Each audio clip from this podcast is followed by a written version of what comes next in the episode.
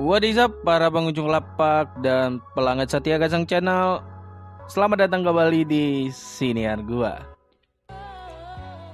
Siniar Gua episode kali ini uh, pengen ceritain aja um, dua hal yang mungkin agak ngeselin, nggak ngeselin ngeselin juga sih sebenarnya, tapi gua pengen cerita aja lah ngobrol-ngobrol santai aja di sini. Nah, untuk hal yang pertama adalah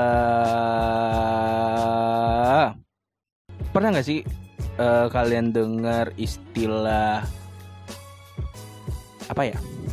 Oh ini pernah nggak sih kalian dengar istilah angkat pantat hilang tempat? Pernah dengar? Ayo di mana? Mungkin pernah dengar sejak SD mungkin, SMP, SMA atau baru dengar sekarang? Atau pada saat kalian kerja, oh baru dengar ada istilah ini, mungkin bisa aja ya, um, ya begitulah. Ya angkat pantat hilang tempat menurut definisi gua ataupun yang pernah gua dengar-dengar orang itu biasanya gini. Angkat pantat hilang tempat itu kalau situasinya terjadi ketika udah duduk di suatu tempat terus uh, tiba-tiba lu ada keperluan sebentar sehingga harus meninggalkan tempat itu. Setelah balik lagi ke tempat itu eh sudah ada orang yang nempatin. Ya kurang lebih seperti itulah angkat pantat hilang tempat. Jadi angkat pantat hilang tempat tuh biasanya kita temui di tempat-tempat umum. Kayak misalnya kantin kemudian busway ataupun juga yang pernah gue alami itu ketika mencari tempat duduk ruang baca di perpustakaan. Jadi gimana ya? Lu kalau lu udah tinggalin sesuatu harus uh, relakan diri lu diambil tempatnya. Ya apa yang sebenarnya nggak ada masalah sih. Itu bisa terjadi sebenarnya angkat pantat di tempat itu kondisinya ketika uh, lu tidak meninggalkan uh, tanda bukti yang ada gitu. Misalnya kayak uh, tisu kemudian buku ataupun barang-barang yang sebagai penada penada oh ini ada orang yang nempatin. Jadi orang itu akan segan ya bener bagus banget. Dan gua rasa ini seben kayaknya pernah ada di Singapura. Pernah kan kalian dengar uh, budaya di mana kalau kalian menemukan meja meja yang ada tisunya sebaiknya jangan pernah dudukin. Kenapa? Itu udah milik orang.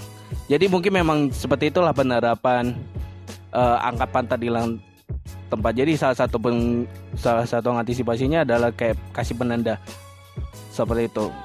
Itu sih kalau untuk tempat umum ya sah-sah aja sih sebenarnya. Kalau untuk tempat umum ya, kalau untuk tempat umum dikasih penanda kayak itu kan supaya lu sebenarnya kan cuma tinggal sebentar ya tinggal seben tinggal sebentar misalnya kayak ke WC atau mungkin beli jajanan tapi tempatnya nggak terlalu jauh mau nggak mau lo harus tempatin dulu sebelum ninggalin apa sebelum ada yang ngambil tempatnya ah, gimana sih ngomongnya ya? Uh, ya gitu lah ya.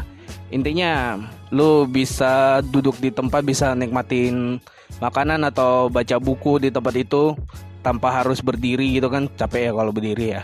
Jadi biar lebih enak duduk. Nah mungkin lebih istilahnya itu supaya menghindari yang yaitu angkat pantat di tempat itu.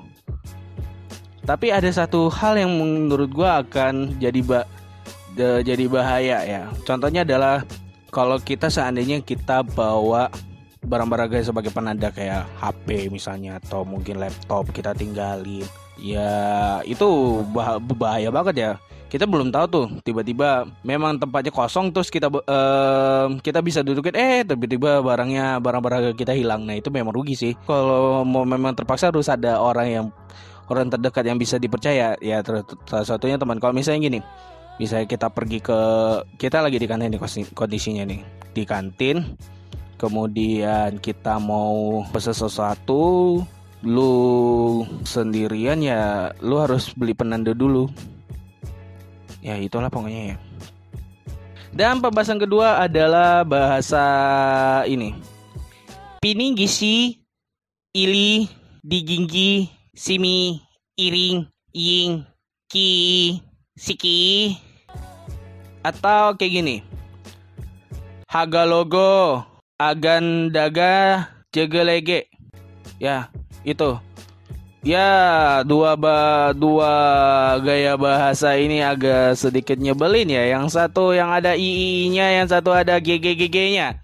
Itu gimana ya? Yang kita yang G dulu ya. Yang G itu kayaknya pen kalau nggak salah ya, gue pernah dengar itu waktu SD deh. Jadi kayak sekitar 12 tahun yang lalu ya, kok nggak salah ya. Jadi ada ngobrol, ada ngomong-ngomong kayak gitulah di bahasa Indonesia setiap suku katanya di bumbu dikasih tambahan huruf G-nya gitu. Kayak misalnya gini. Halo dibagi dua kan ada dua suku kata tuh H sama lo. Jadi hanya itu ditambahin huruf G dan huruf vokalnya itu ngikutin. Jadi kayak gini. Halo jadi haga logo. Nah, terus buku jadi bugu kugu saya jadinya sagayaga dan sebagainya kayak gitulah ya sebenarnya sih nggak ada masalah ya itu kayak semacam kayak bahasa kode gitulah ya lebih santai-santai tapi berbeda kalau kita dengar yang bahasa iring nyimbik idili iring jihit ying tidi tisikiti agak sedikit nyebelin At, ya itu kayak sama kayak kita nyanyi burung kakak tua tapi huruf vokalnya diganti huruf i semuanya itu. Jadi gimana ya?